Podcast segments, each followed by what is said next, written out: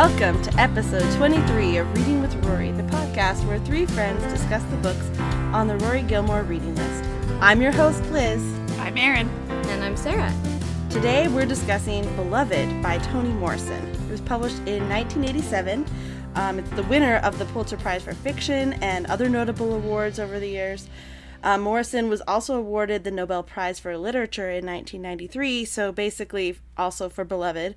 Um, it plays a large part in that award. So, this is a powerhouse of a novel with many accolades and awards. And beyond telling the powerful story of maternal bonds, I am not sure where to place it in the Gilmore universe. So, let's just start out with our Friday night dinner instead. um, what are we eating tonight? Sarah. Well, I just got back from the gym. Um, pause for applause here is what I'm waiting for. But um, slow clap. I yes, thank you, thank you. Um, so I'm just you know replenishing my uh, my my protein. I don't know. I don't. Electrolytes. I don't know what I'm talking about. Electrolytes. Sure. I'm having I'm having a protein shake. So, um, it's not very uh, Gilmore Girl approved, but I mean, I'm feeling pretty good. Well, as long as you're feeling good, mm-hmm. we do too.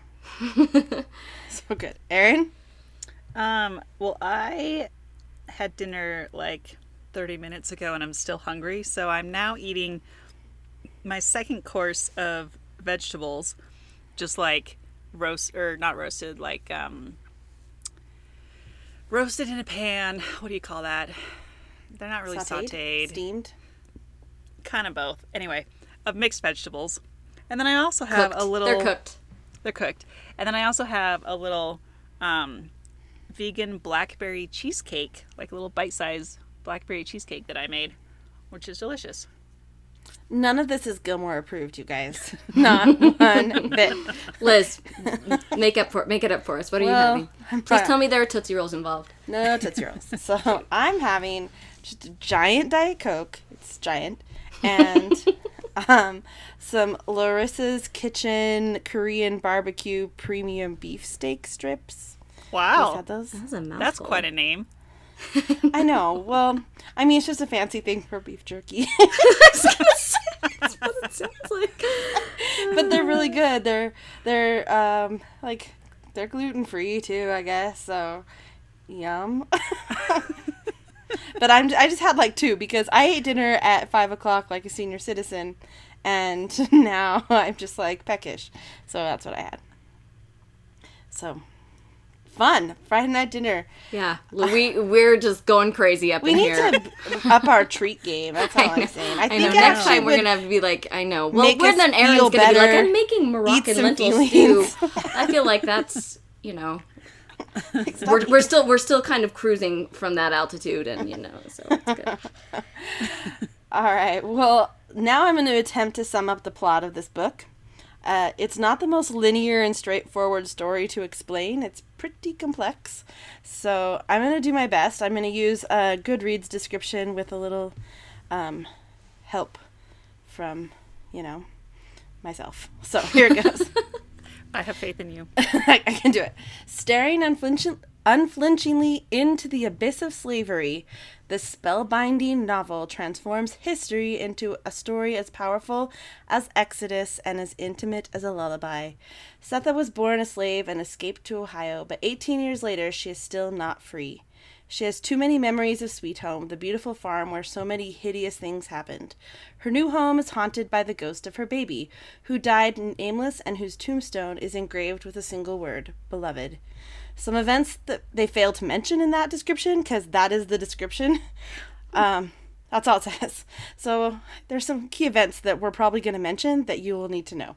So feel free to throw in any ones I miss out, ladies. So here it goes.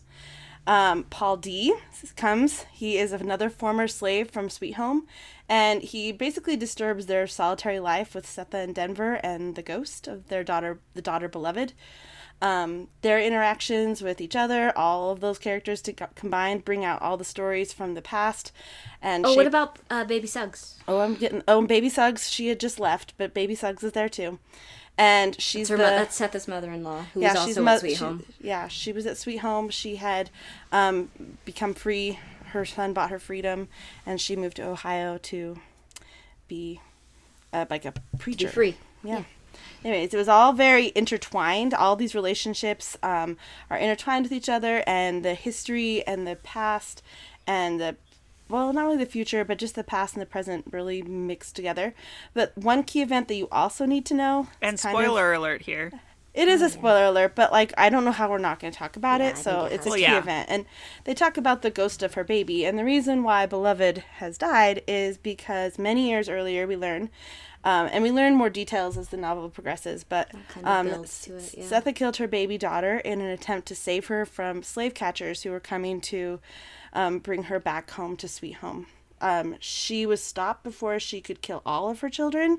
So Beloved was the only one that was brutally, I mean, brutally died. It was mm-hmm. so sad, but it's a heavy detail to deal with, but it really, it's a spoiler too. But don't you think you just have to know that to go into the story? Like, that's yeah. a yeah. key detail. Mm-hmm.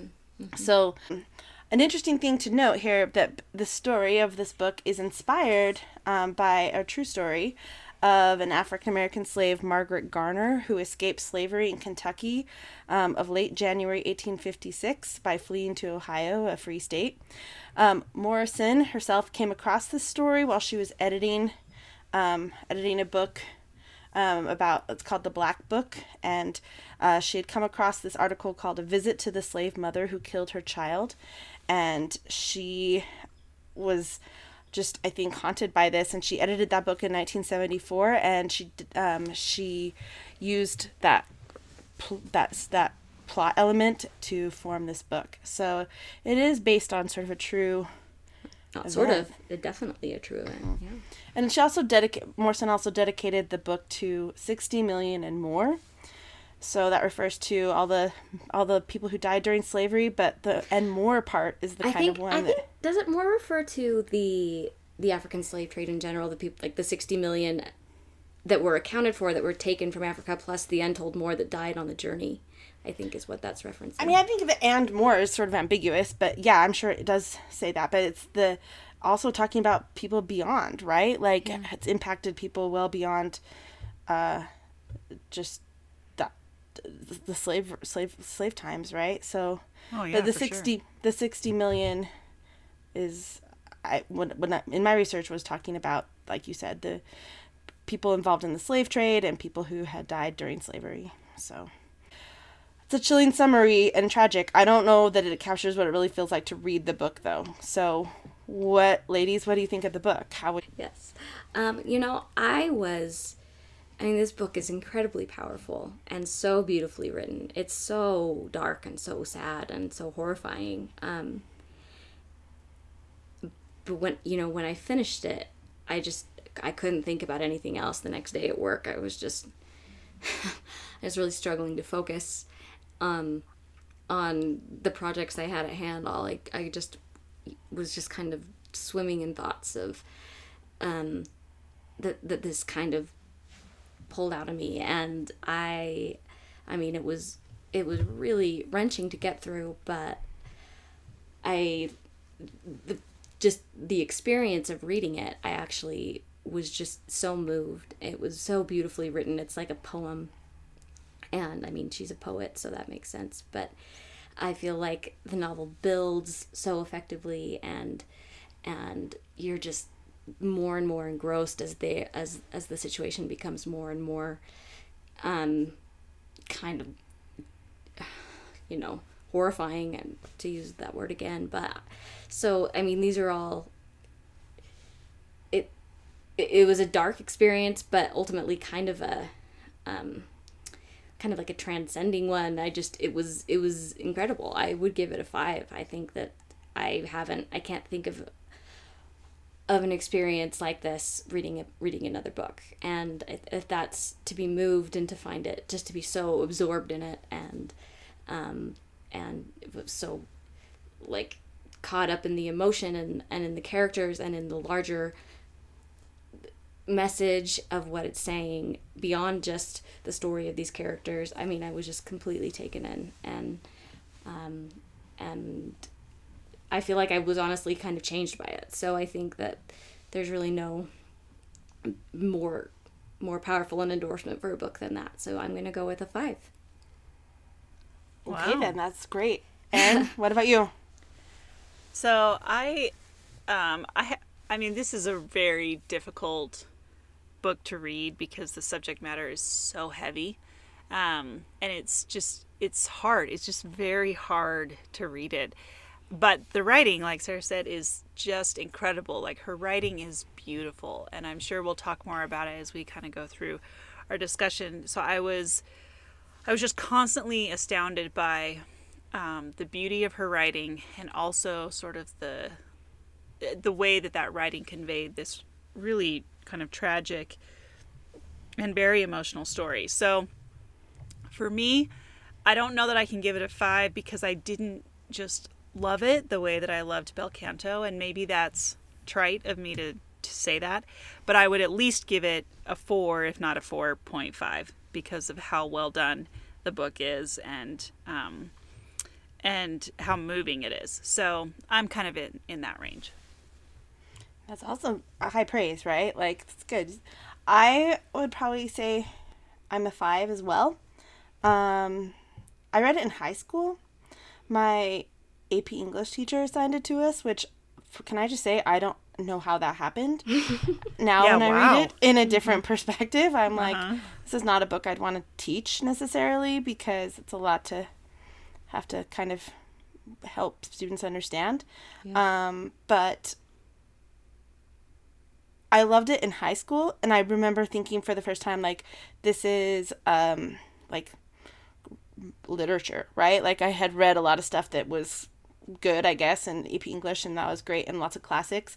But like, this was the first contemporary kind of novel that I had really just like, whoa, right? Like, this is what grappling with a book is like and I don't think I'd ever had to really do that and up until that point. Like nothing had really shook shook me as, that I read, and that did. And so, um, I guess as Sarah said, it kind of you know changes you. But I don't honestly remember how it changed me because I don't remember what I really thought of it, except that I really liked it, and I was just wanting to get more books like this, right? Like I was just hungry for um, literature, I guess. So that you know was that in high school this time i mean i had a lot more perspective and a lot more um, life experience to bring into it and i probably loved it even more and i knew all along what was going to come and i was just um, swept up into the language but i was also swept up into the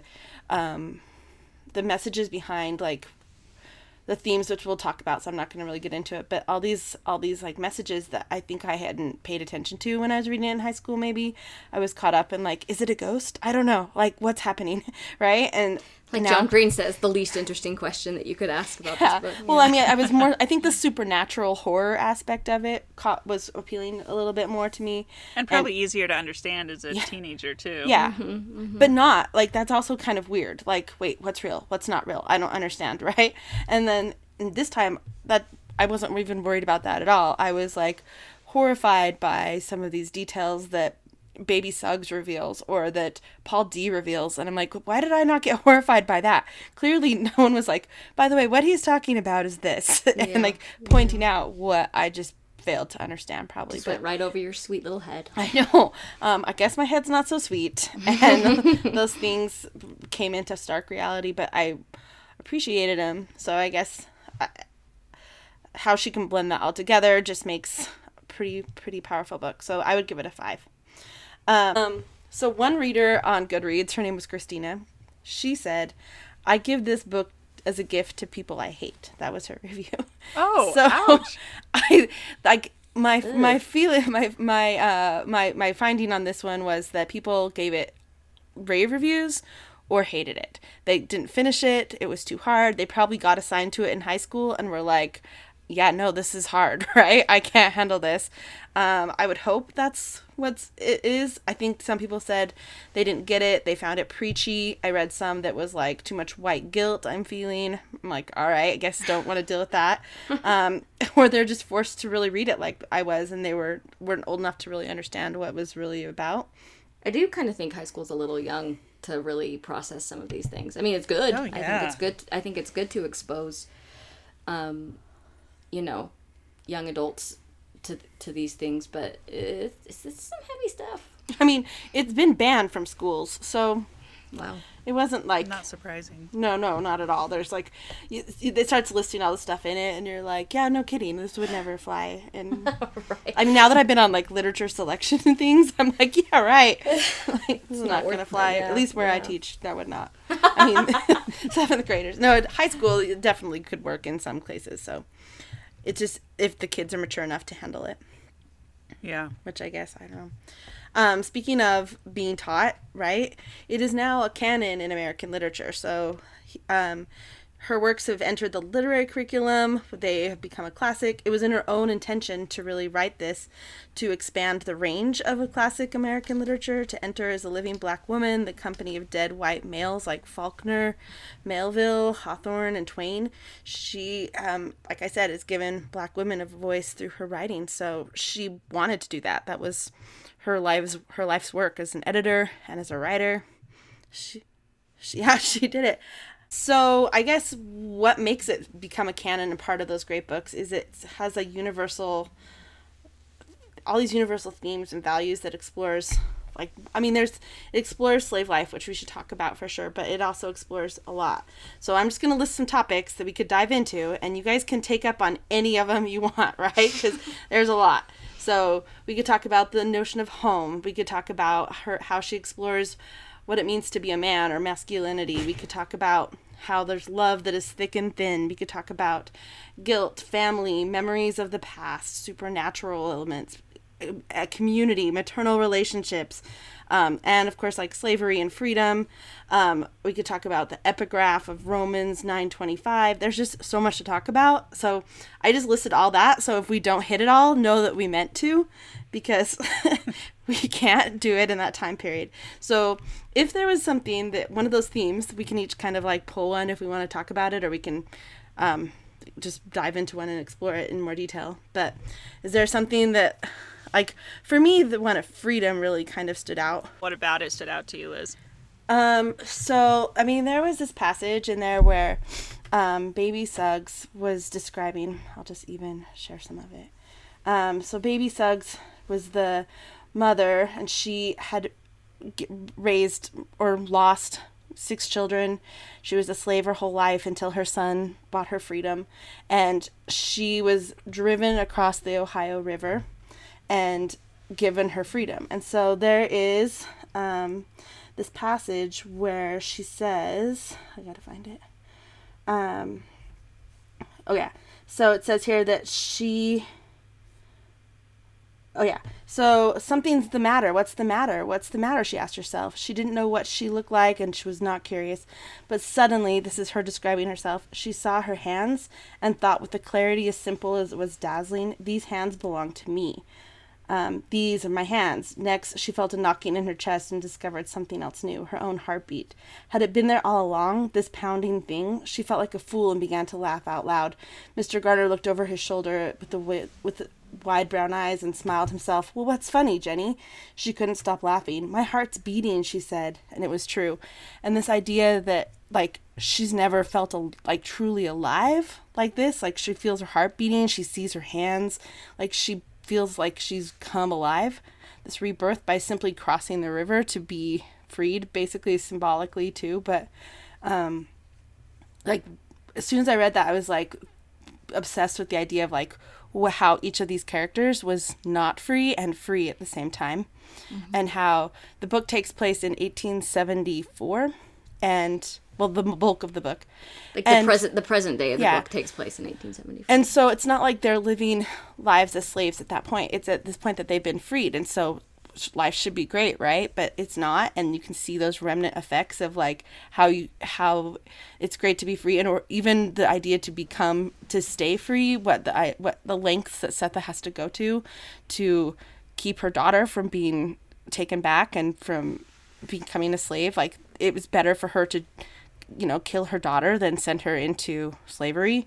So this like freedom, but it's never really free either because she's living with that guilt and can't escape it. Like I guess that whole point is you're not ever really free of it. So Well, I think that comes back yeah. to I mean, the thing that's so beautiful about this novel is all these themes are so intertwined, wovenly to get woven together. Yeah. So where we where we talk about freedom and never feeling truly free, even when you're not technically in bondage anymore, this whole notion of being haunted mm-hmm. and the ghost of your past, um, literally and figuratively haunting you, and and I think that that happens to the characters obviously but i i also think it's symbolic of the larger haunting of slavery and just the american experience right, right. like and and so that weaves into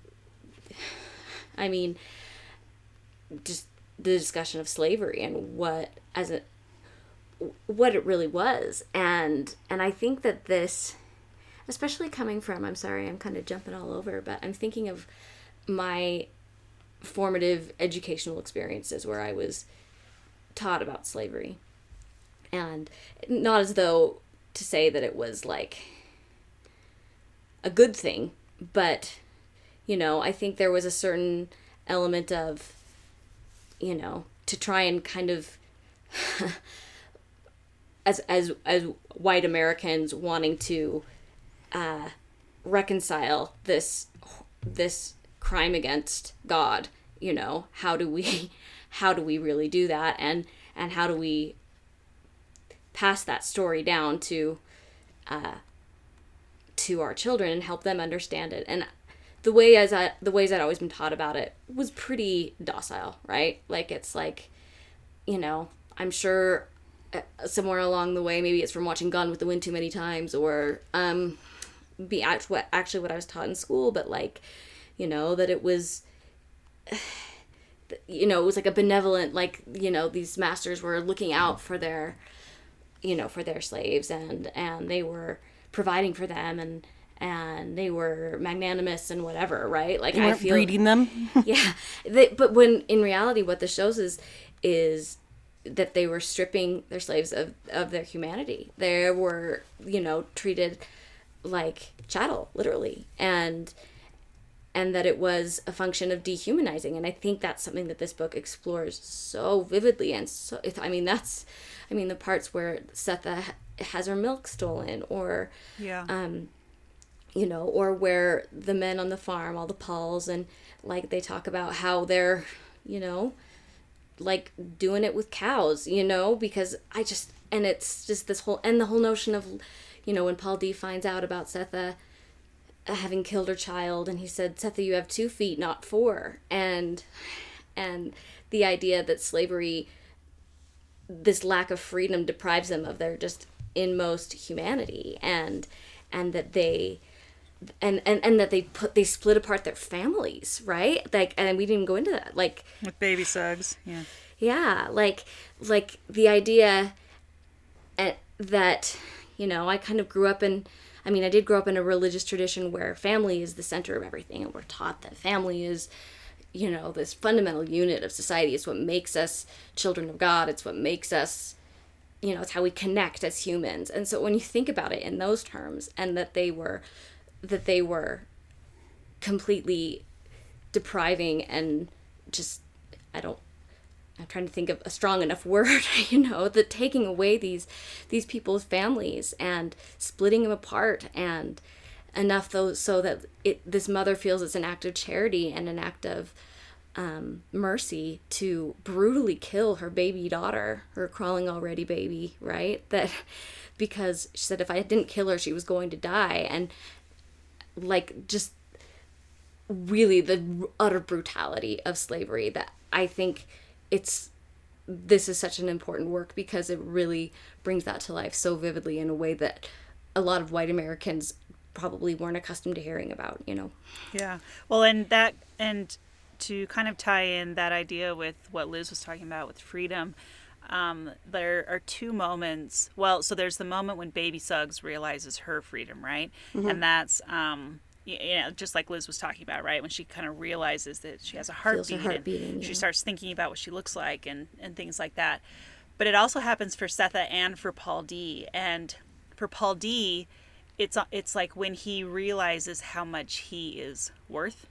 Um, in that point where they talk about how much he costs, and he real and he, he says he realized for the first time how much he how much he was worth, and then he's talking about kind of his whole escape from slavery, and what it meant to be able, or you know, kind of his decision to roam from place to place rather than try to settle down anywhere and um, just kind of that whole progression of thought that would happen and that would come with all of that um, for Paul D. Well, the other idea too about when he first earns money, right? And someone gives him money and he doesn't even know what to do with it. And he doesn't even know how to count it. And so when he gives it to someone in exchange for turnips that aren't even that great, they give him back more coins and he thinks he's made money. He, he thinks he has more money now.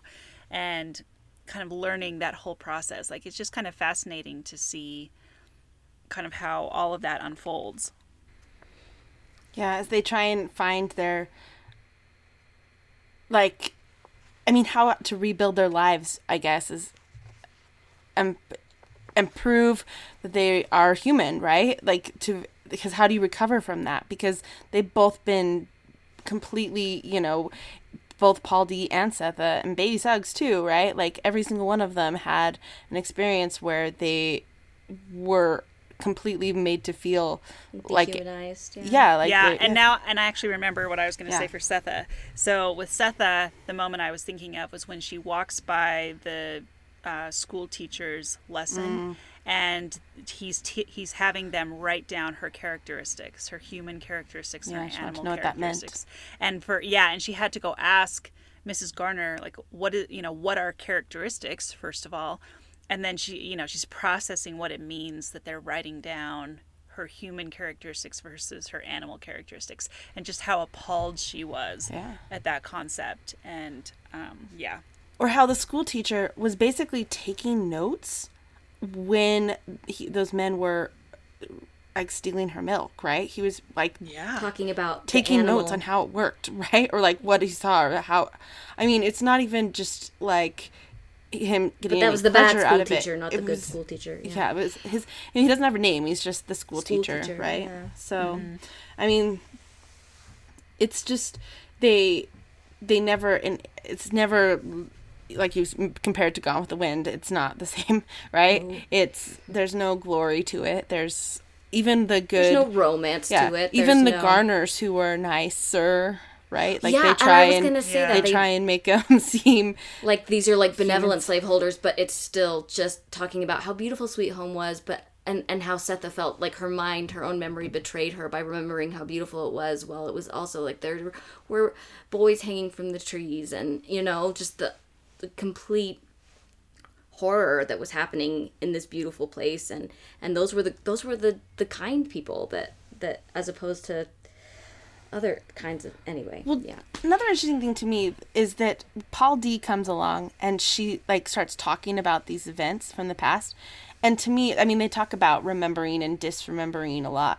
And like she, it wasn't like she wanted to confront these memories about what was happening there. She, in fact she was trying to forget them. Yeah. and Paul D brought a lot of this forward and reminded her what happened to Halle and just all of these things, and it like almost traps her again, right? So not reminded her, well, told gave, her what happened to Halle. Yeah, like she gave her new know. information. Yeah, well, yeah, yeah, So it's just bringing it all back. So it's almost like you can't really put it behind you, right? And, and if you try kind of and block it, it's like this ghost. Yeah. Like you have to exorcise this ghost to really move beyond to well, move beyond this. Literally, yeah. how she exorcises it is stops remembering it, right? Yeah. Like no one remembered Beloved anymore, and now she's gone. Yeah. So I mean, it's your memory that is. But I think that's the thing that actually, in some ways. Well, no, I I disagree. I think that the whole point of this is like. Th- I think this book is making a statement that like we do need to remember. We need to remember that this happened, and heal from it, and heal from it from from rememory as you know that's how they talk well no it. i'm not saying that you shouldn't remember like it, she wasn't healing she was trapped in that house like she was living basic a solitary life right so yeah. by confronting those memories and talking about it and it but it, it at the same time of, it allowed her to move past them i guess right well yeah them, it was but. like it was like it was paul d coming and bringing all that to a head that allowed eventually for beloved to be yeah exorcised the whole thing is kind of an exorcism you know? And i think that that plays out on a larger i think what that's making a larger statement about um you know again the american experience. Like as of yet we haven't managed to exorcise this ghost of our past or this original sin. And um and what what will that involve is is really remembering it and coming to terms with the reality of it. And uh, we're not doing a super great job of that so. And not sugarcoating it either right? Yeah yeah. Yeah. I did appreciate that even though it's very very hard to read i appreciated that that like there's there's no sugarcoating here. No. I mean when it talks about the every like how the women were treated right? Like the idea too that you're like basically just br- for breeding, right? Like your value is that you can give birth and you just give like it doesn't it's not like they're your children to raise and love and take care of.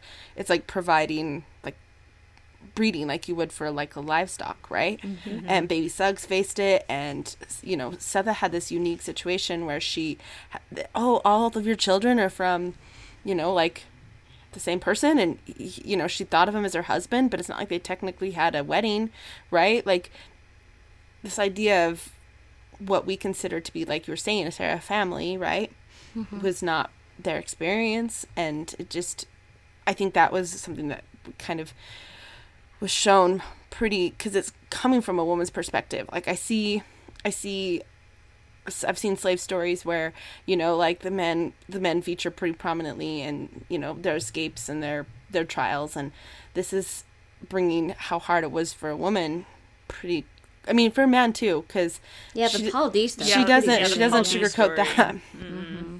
and also this is the way that he doesn't know how to like what a man like he's been considered a man because Mr. Garner said he was but then is he I don't like the idea or even like he, when they find out you know when she when Paul D tells her that Halle saw when school teacher and his sons were they students nephews. students nephews. nephews when they when they abused her when they took her milk and Halle saw and he essentially went mad from seeing that and and Sethe was just like he saw and he didn't stop it like those those they were still breathing the next day and and Paul D says, Sethe, a man's not an axe, you know, like he, and, and I thought that was such an interesting, um, such an interesting response. well, in the way that Mr. That. Garner, like, put that in their brains, like, you're gentle, I'm raised, you, you slaves are gentlemen, basically, not gentlemen, but like, you're a man, you're as opposed to yeah. other one, other slaves who are not, like, I mm-hmm. am, you are better than this. And they thought they were until then they were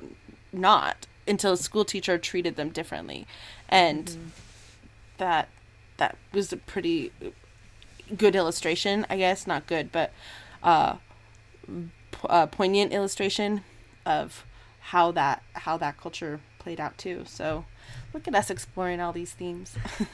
But one thing i i think is interesting is you mentioned you know the novel through the filter of these of these three women and the intergenerational aspect of it because we haven't necessarily touched on this yet and i think it's one of the biggest um, themes that stands out to me anyway is is the mother child relationship and yeah. and whoa, I like how intense that is and kind of as that links to what you were saying Liz about thick love and thin love and and the ability to be able to love you know the to love like that. And and, the, and, and like how Paul D says yeah and Paul and Paul D says you know Sethe your love is too thick. And he had, had to teach himself that, that slaves had to condition themselves not not to get attached not to not to love like well, baby Suggs too. Yeah yeah exactly. Her with all her children right? And like and and that slavery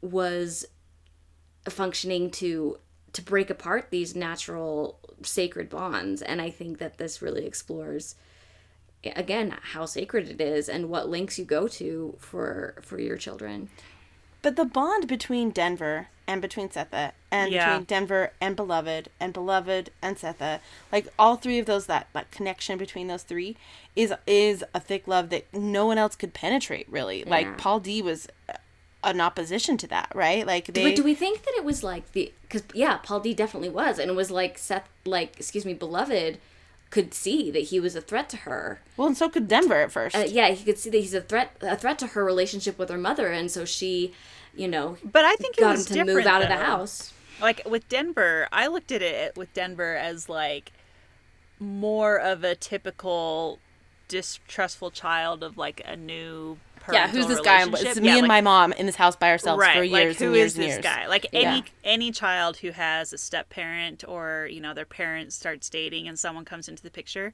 I felt like that was more similar to Denver's experience, or mm-hmm. as opposed to Beloved, because you know by the end of the story, right? Like when Denver meets up with Paul D again she doesn't carry the same kind of animosity. She's still suspicious, and rightfully so, of Paul D and of, of whether or not he's actually going to be there. But she she says like it's okay if you come by it's okay if you come mm-hmm. and you see her like i think denver and i think the relationship between denver and sethe like was very different than like B- beloved was i mean we haven't even talked about beloved and sethe and that yeah. whole yeah. storyline um, yeah. and denver but it had well, very different you know well, I, I, see those as very different relationships oh, definitely oh, and like well, what was so interesting right was because beloved was this not to say that Denver and Sethe had this really great mutually beneficial relationship. It was, they were just kind of coexisting. I feel like, and then, and then Beloved comes along in in human form and like physically starts to like grow as Sethe shrinks, and they and their mutual bond is so toxic and weird and intense that it literally push finally pushes Denver out of the yard and out of the house and out mm. and out away from it, right? Well, like and they all keep saying she's mine, she's mine. It was very yeah, possessive yeah. on yeah. like on every relationship front, right? Like Denver wanted beloved to be hers, and wanted her mom to be hers, and I mean there was just all sorts of like possessiveness. Did we think that? Yeah. Well, did we think that? So at the end, by the time the women all come to like save, yeah, save, save Sethe, Sethe. And, and cast cast beloved out of the house right? That like and it shows that like it looked like she was pregnant. I totally thought she was pregnant. Was she pregnant? that's, that's or was it like or was it like an element of like nat- like magical realism? Like she was literally getting really big and sethe was getting really small. They said like sethe looked like a little girl next to beloved. I could I read, see both. Yeah i could see both. I read it more because of the whole paul d thing which that's another side story we could go down, the beloved Paul D thing. I still don't really understand that. But um, are we are we operating under, operating under the assumption that beloved is the ghost of the of the baby come back in human form, or is it just a woman that did kind of wander in and it was kind of because there've been other well, yeah. Well, there have been other interpretations of it being like it was like held. a case of mistaken identity. Like they both kind of saw what they wanted to see. She had lost a mother, and Sethe had lost a daughter, and they were just kind of like working through that stuff with each other. And she, you know, maybe was this kind of like runaway from sexual slavery, as they kind of allude to in some parts, but then in other parts, it does seem like she's. But then there's that whole chapter where she's like, uh, talking about that middle passage and like yeah, like she's kind of like death, yeah. kind of, mm-hmm. or like mm-hmm. limbo. Yeah, I mean, I felt like I read it more as that she was she was the baby, but um, I, again, I think that it's that's less of what matters because obviously she's functioning as you know this ghost. Whether or not she actually is doesn't probably matter. And as she came to understand sethe and like why she did like if it is the ghost of you know the baby daughter that Sethe killed, as she comes to understand Sethe and like where she came from. It's not that she can forgive that, but like it's um it allows the reader to see it and forgive that more or uh, not forgive it that's a hard one to say but it allows the reader to kind of uh, feel like we can explore the gray areas of what Sethe did as opposed to being horrified by it. Mm-hmm. Yeah, although I mean, I don't I didn't walk away with the impression that Beloved ever understood that. And maybe it was just a vehicle. I thought for, it was a pl- yeah, it's a plot tool for yeah, us to understand it. plot tool, yeah. Because no, I, I don't. I actually think Beloved's a pretty static character, right? Mm-hmm. Like she doesn't. Oh, yeah. She grows physically, I guess, but she was never. She was never like changing or you know, showing any, any depth beyond just um, what we've been talking about. Yeah. Yeah. So definitely do, a plot point. Yeah, I do want to talk for a second about um, the house, about 124, mm-hmm. because I just thought it was fascinating how much they referenced, you know, 124 and how much of this story takes place in that one house. Um, like 90% of this whole book, aside from the flashbacks, take place in, you know, that one house. And, um, and so kind of going with the idea of home and the, the theme of home and, um, anyway, but it's interesting because at the beginning of each part, it starts with an introduction of, or a description of 124. And so at the beginning of part one, it says 124 was spiteful. Then the beginning of part two says 124 was loud. And then the beginning of part th- uh, three is 124 was quiet. And I think it's an it's interesting that, you know, she's. I didn't kinda, even I mean, notice that. That's awesome. Yeah. Well, um, you're, you're welcome. I know. I'm like, oh, blowing my mind again.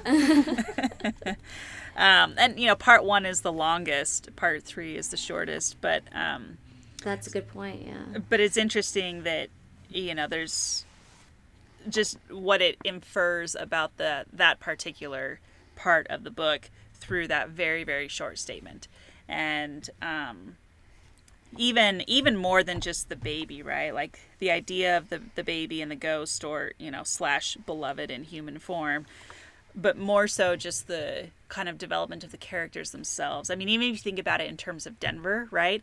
At the beginning of the book like she's just kind of angry at the world sort of. Like she's really cynical. She um she just she's really distrustful and I think that kind of goes along with like this 124, you know, this spiteful thing, and and and at the end of the book, right? Like she's found some sort of inner peace. She's kind of found herself a little bit and yeah. has figured out who she is and has the courage now to go out and to go visit Lady Jones and to go get herself a job and to start learning yeah, again and yeah. you know see this boy the boy who made her go deaf and you know all it, it's just it's interesting I think Denver's storyline is a really interesting storyline in here. Yeah.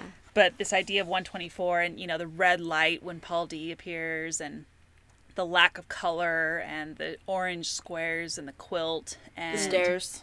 The stairs, the white stairs. And the ribbons on the stairs. The ribbons on the stairs. The fact that the kitchen has been moved into the house and is not in the shed and back and um, even the description of the shed and you know and and Paul D's little mat on the floor and it's what real. it's like. It's very real. It's very real, you know. Mm-hmm. And when Beloved and Denver go in the shed and it's dark and Denver can't find her and she panics and just the whole thing, like it's just a very interesting description of this setting. Yeah. And the white dress around Sethe and, you know, yeah. all of that. It's just it's fascinating. That's such an image that sticks with you. I for some reason like I was aware of this book as a child. Like and we'll get into this later with pop culture stuff, but like because of Oprah. I mean, right. maybe my mom watched a lot of Oprah, but like, I don't know. So I remember like seeing like coming in in contact with that image of the of that white dress with its arm around Sethe as she prayed, and um, and I mean that I, that stayed with me for years. You know, I mean, and without even having any real context for it, and and then, you know, you read the novel and it's just like, whew. I mean, there's an image right there, right? yeah. So um I think we could talk about these themes like for so long. I honestly don't know if anyone else is understanding or enjoying the conversation as much as we just did because there's a lot to it, but it's also if you were just listening out of context, it might seem a little bit okay. but trust us when we say you should find out for yourself and like then come back and listen and you'd be like, yeah, I have more to say. Um, but one of the things we talked about earlier in in why we like this book is it has these hard heavy themes but also it's just how beautifully it was written so i don't want to take a ton of time i don't think we should do that but i think what i want to say is that i marked like 20 pages in this book that i'm like whoa whoa yeah. like there's just so much that's powerful so like maybe pick one maybe two parts and not long parts but just parts that really stood out to you that were like the Toni Morrison at her best. Like, what were some parts that just really jumped out to you? Or images, you can describe them. Like, we've already done a bunch of them, so I think we've covered a lot. But if there was any part in the book that just jumped off of the page that you want to share, let's do it. Sarah, do you have anything? Yeah. Um, yeah. Sorry, it's gonna. T- She's like, yeah, I do. Um, I do. So yeah, so what's so interesting about the structure of this book is you start out from the beginning knowing there's a ghost, right? Like there's a there's a ghost and the ghost is of a baby. You know that a baby died, and then you, it kind of pull as as Sethe is coming to terms with you know her horrific past and it builds. The novel just builds and builds and builds. And you, when you finally get to the climax when it um i feel like the emotional climax anyway when when you when you find when paul d learns the whole truth about what sethe did and and how she how she describes it because you've only had bits and pieces and then now um but what, what really stood out to me was um so it says so it says stamp and he's the guy that helped sethe escape across the river and and helped her get set up in in ohio. Stamp looked into Paul D's eyes, and the sweet conviction in them almost made him wonder if it had happened at all, eighteen years ago, that while he and baby Suggs were looking the wrong way, a pretty little slave girl had recognized a hat and split to the woodshed to kill her children. And I was just like, whoa.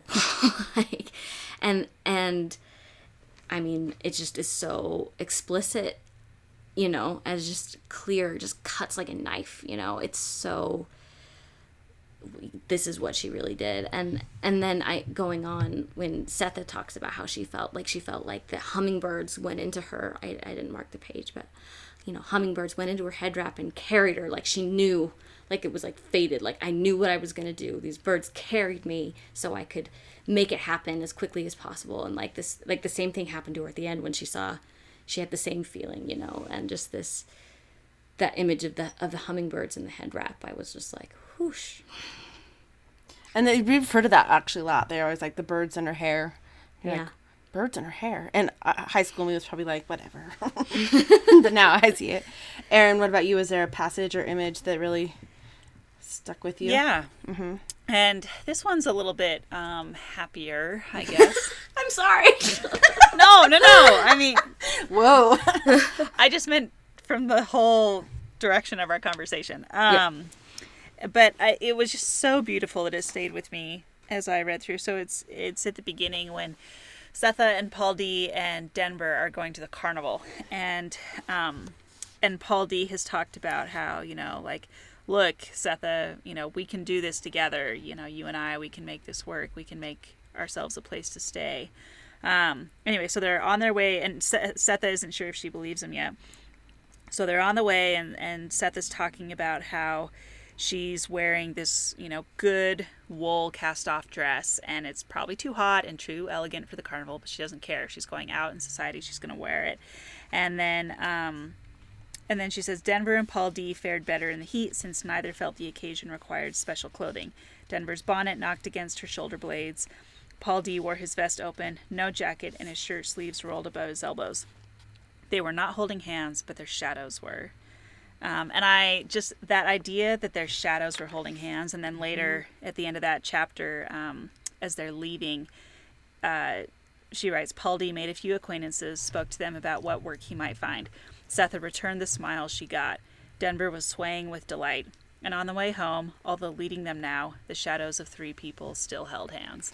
And I just thought that was the most lovely image that, you know, just the promise that that of hope that that conveyed and the chance that that Sethe might be able to find peace and some happiness. Just I don't know this idea of shadows holding hands, it's and it recurs all through the book yeah, too. Well, it does. Yeah. Even like when like this the whole part when it's Denver, Sethe, and Beloved, and she's like, "This is what the shadow was." Paul D. That was just a you know. But then at the end, it's like this moment of hope too, where she's uh-huh. just like, "We can move forward," or you know, I forget the exact quote on the last page, but it's.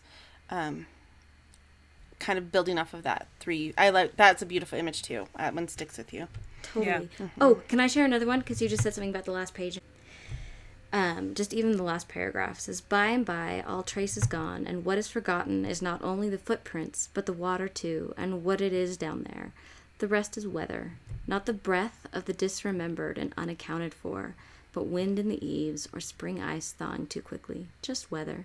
Certainly no clamor for a kiss. Beloved. I mean, just, I don't know. I just. Poetic. Started. Yep. It's deep. it is. It's I mean, I think it is hard. It's not just like plot, you know what I'm saying? It's yeah. it's imagery and uh, you know, figurative language and just a lot packed in there, right? To make mm-hmm. this effect on you. So she does it well because you end that book, you close it, and you're like, well, I have to start thinking about this a ton more. so, yeah. Um, one of the passages, uh, like I said, I marked a bunch, a bunch, a bunch. Um, but I like this one because um, I just think it just kind of puts a lot of things together. It's like weaves a lot of things together. So this is um, Sethe talking really, and she's saying how once, long ago, she was soft and trusting. She trusted Mrs. Garner and her husband too. She knotted the earrings into her underskirt to take along, not so much to wear but to hold, earrings that made her believe she could discriminate among them that for every school teacher there would be an Amy, that for every pupil there was a Garner, or Bard or Bodwin, or even a sheriff whose touch at her elbow was gentle, and who looked away when she nursed. But she had come to believe every one of them, um, every one of Baby Suggs's last words, and buried all recollection of them and luck. Paul D dug it up, gave her back her body, kissed her divided back, stirred her rememory, and brought her more news of clabber, of iron, of roosters smiling. But when he heard her news, he counted her feet and didn't even say goodbye. Like, that just sums up the whole book for me, really. Mm-hmm. So, like, it puts it, like, really, I should just given that for the summary, except no one would have known what I was talking about. but that line where he like sh- you know he brought her all the stuff but the second he heard about her he counted her feet and didn't even say goodbye. Like ouch right? Yeah. Like yeah. the impact that had on her too. No wonder she was kind of left with beloved and her guilt right? Like she was just thrown. She didn't know how to emotionally handle all that. So i just think it um that passage just jumped out at me as like how do you just like sum up the whole book that yeah, eloquently I also loved how she used um the word rememory. Yeah. And instead of remembering too. Yeah. Mm-hmm. Mm-hmm. Yeah. It was. Um, I, I really like that. So basically, just read the book, you guys, because read the book. There's no. Ooh, can I share one more? nope. I think we gotta move on. Sorry, Sarah. Oh, that's a good one. You can All on right. social media, Sarah. That'd be a great way for you to use social media. um, okay, so now's the segment where we see how this book has made its way into pop culture. The first jump for this book was probably Oprah, is my guess. I mean, it, it was came along ten years before Oprah really made it into a movie, but Oprah was her champion. Um, however, Beloved was not actually in her book club, which I did not realize until researching this. like four other books were four of her Morrison's novels in a period of six years. Um, gave her a huge sales boost, and she did, you know, get the Nobel Prize and all of that. But she uh, also had yeah, I was Oprah like, I'll take the Nobel Prize if you know, right? Oprah's book club, Nobel Prize, whatever. Like cool. she she definitely made her way in a very rapid amount of time yeah. into like bookshelves and literary canon, but also like I don't think that's enough. I think you have to have like Oprah to kind of like you wouldn't have known about it, Sarah, how, like when you megaphone. were elementary yeah. school. You wouldn't. there's I'm sorry, little girl in Utah that knows about who this? won the yeah. Nobel Prize for what, right? Like you wouldn't have known, but you did. I mean, my teacher made me read it. That's when I learned about it, and it was. I mean, I'm dating myself, but it was pre Oprah's movie, so I will say that. And it was also like right around the time her book club started. Um, her book club started in 1996 and um, it the second book she did was Song of Solomon, which was one of Morrison's novels. Um, so Oprah said this. She said, "For all those who ask the question, Toni Morrison again, because she had her on the show like at least three times. She, she interviewed her three times. I say with certainty there would have been no Oprah's book club if this woman had not chosen to share her love of words with the world. Morrison called the book club a reading revolution." Um, so I think Morrison herself even acknowledges that Oprah played a role. of, oh, undeniably. Sure. Yeah, yeah, yeah. Are you kidding? For and for a book to get on Oprah's book list, it's a huge deal. It's huge. Mm-hmm. And I mean, it was. I don't. I also think that part of it is that she had this book list for the purpose of bringing Morrison to the world, right? Mm-hmm. Like yeah. the second book she put out there, like four of her books are on that list. I looked at her whole list. There's no other author that's on there four times. Like she wanted people to read Toni Morrison. She clearly was working for 10 years to make the movie. She produced the movie, she starred in the movie. We're going to get into the movie, but um I think Oprah really this book spoke to her and uh, there's a yeah, there's just a connection to those two, which I can understand, right? Like Oprah loves to read, obviously, because she has a book club like that. But if you were this book came out and you were in the position to champion it like that, yeah, yeah, like let's do it.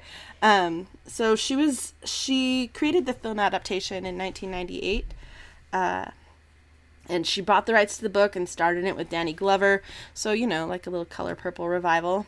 It was directed by, by Jonathan Demme, but it kind of received some mixed reviews.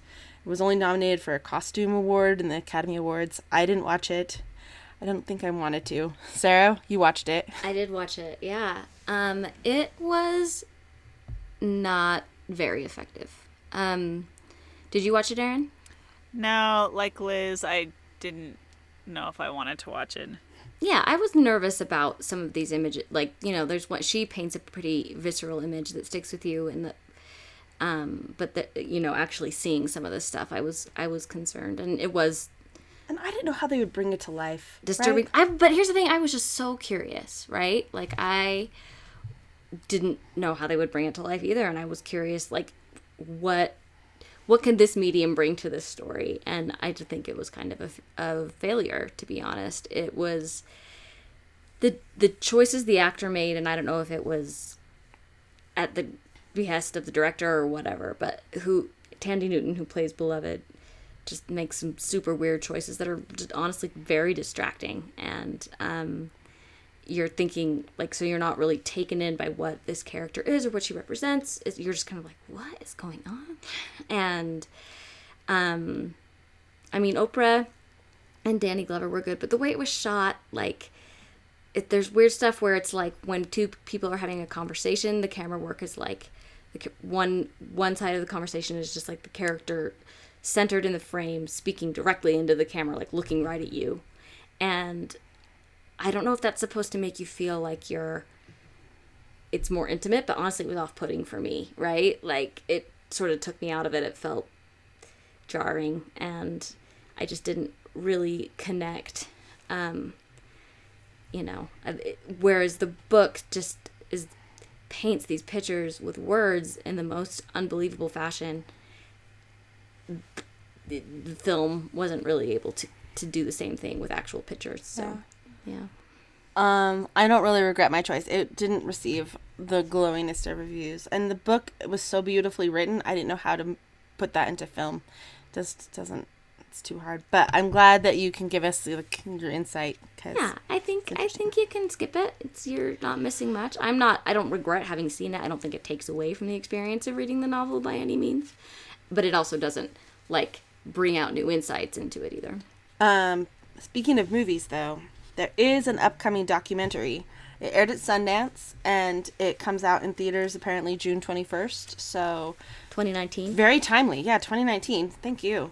Because mm-hmm. um, who knows wow. in the future if anyone's. I know. It's called Toni Morrison, The Pieces I Am, and it's just her story. And I saw a trailer for it. We'll put it in the um, the, the the notes on the website, and it looks really good. And Oprah's, you know, on there too, so she's good. And there's lots of other people, but there's also Morrison speaking for herself, and I think it's just it looks awesome. So um, I also watched a bunch of interviews. If you really want to dive down a rabbit hole, um, Toni Morrison was interviewed by everybody, and she gave a killer Nobel Peace Prize. I mean, not peace, a Nobel Prize speech that was amazing. So you can go down a Toni Morrison rabbit hole and just forget the movie itself. Maybe. I mean, Oprah survived that. It's okay. You can bomb a movie. It's fine.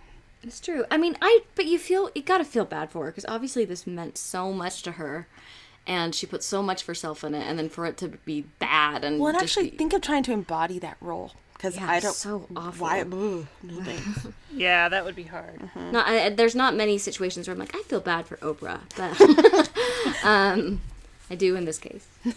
fair enough. Fair enough. Um, so couple other things that are not necessarily like linked to um, well, this one is actually linked to Beloved. Toni Morrison wrote a libretto, which is the you know words for the new opera, um, for the new opera called Margaret Garner. Garner, I can say that. That's kind of hard to say. Is it? You say it. Margaret Garner. That was hard to say. I can tell. Anyways, Margaret Garner was that was the real woman from Kentucky that they were um, writing Beloved based on, and she turned it into an opera, and it was performed in 2005. So now that we have our newfound appreciation for opera, thank you, Bel Canto, uh, we can check this out. So there's um, also on May 12th, uh, May 29th, 2012, President Barack Obama presented Morrison with the Presidential Medal of Freedom.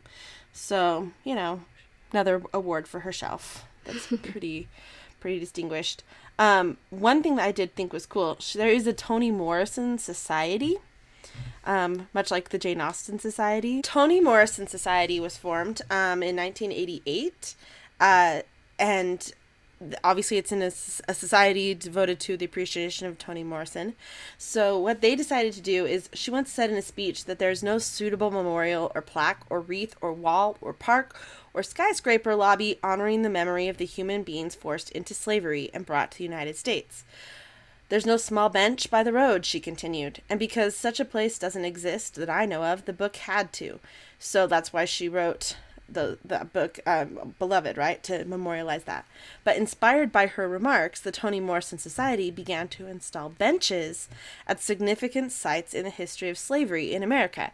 So the new york times reported that the first bench by the road was dedicated in 2008 in south carolina. It's the place of entry for some 40% of the enslaved africans brought to the united states. So it's on sullivan's island so there's a bench there. Morrison said she was also extremely moved by that memorial because how would you not be, right? Like this yeah. is people who are memorializing this in a way that she suggested and now there's 21 benches.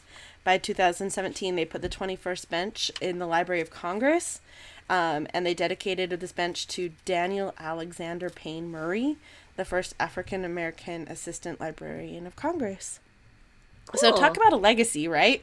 I, that's amazing. Yeah. so now we have another literary um, destination as we can go find some of these benches because that would be pretty spectacular to see. And I love the idea of it being a bench. I don't know why, but that just seems like a fitting memorial. No? Now that we have finished this book, what were we inspired to do? What did it inspire us to do, Erin? You know, I was so taken in by the story that I didn't even think about anything that I was inspired to do. Um, to be perfectly honest, I just, I it's just kind of lingered with me as sort of you know reflecting on kind of the injustice to humanity that has occurred over time, not just in the American slave trade, but you know injustice that occurs all over the place, and just how cruel people can be. So, um, uh, yeah, it's hard to be inspired by, but like, yeah, I don't know that I have a specific yeah. deliverable other than just sort of. It's more that I just kind of keep reflecting. Yeah, ruminate. That's one you have yes. to do. Sarah. Um, I was inspired to learn again, kind of talking about the gaps in my education around some of these these things, and I was inspired to learn more about the Underground Railroad. I am obviously aware of it in um, in like in that I know what it is, but and some of the figures involved, but it's it's not something that I'm intimately acquainted with, and I am really looking forward to going and just kind of learning about more of the people involved and and the slaves who who resisted and who fought for their humanity and and escaped to freedom. And not to say that those who didn't weren't doing that but um, i'm i'm just fascinated by the kind of the logistics involved and and this network of people and how they helped each other and supported each other.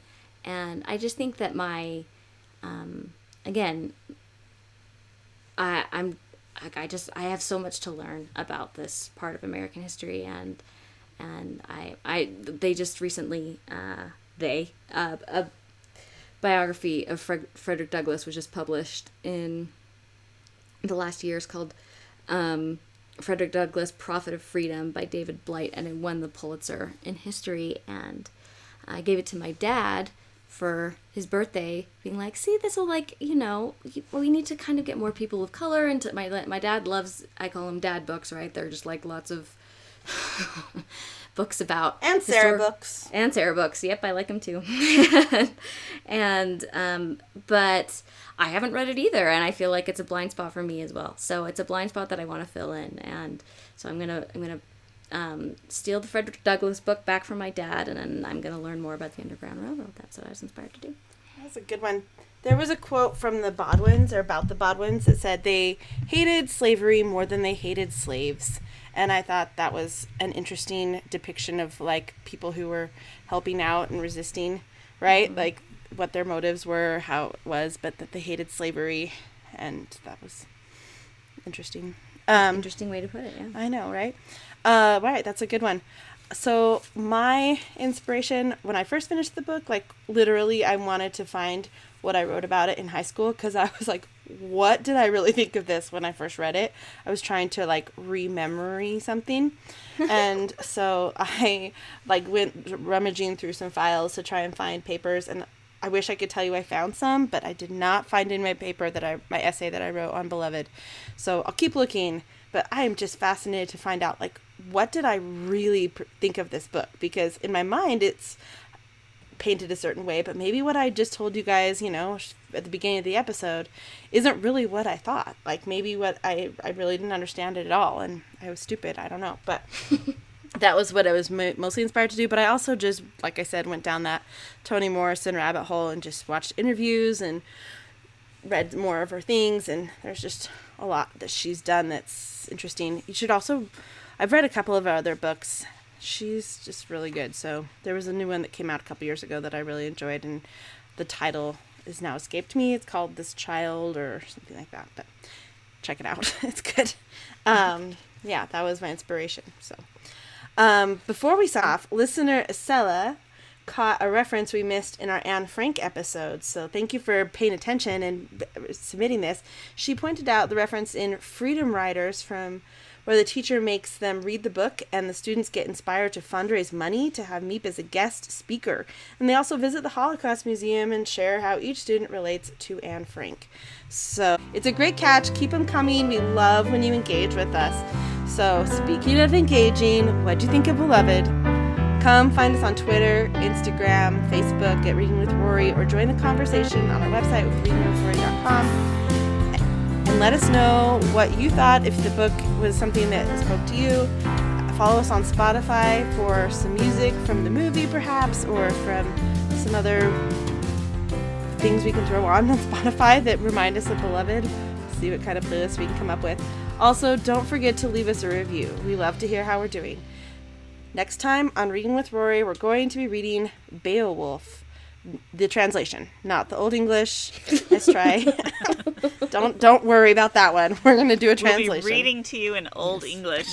We're quite the linguists over so, here. Well, I'm going to do a side by side comparison. So that's my idea of fun. All right. So thanks for listening and reading along with us. We'll catch you next time.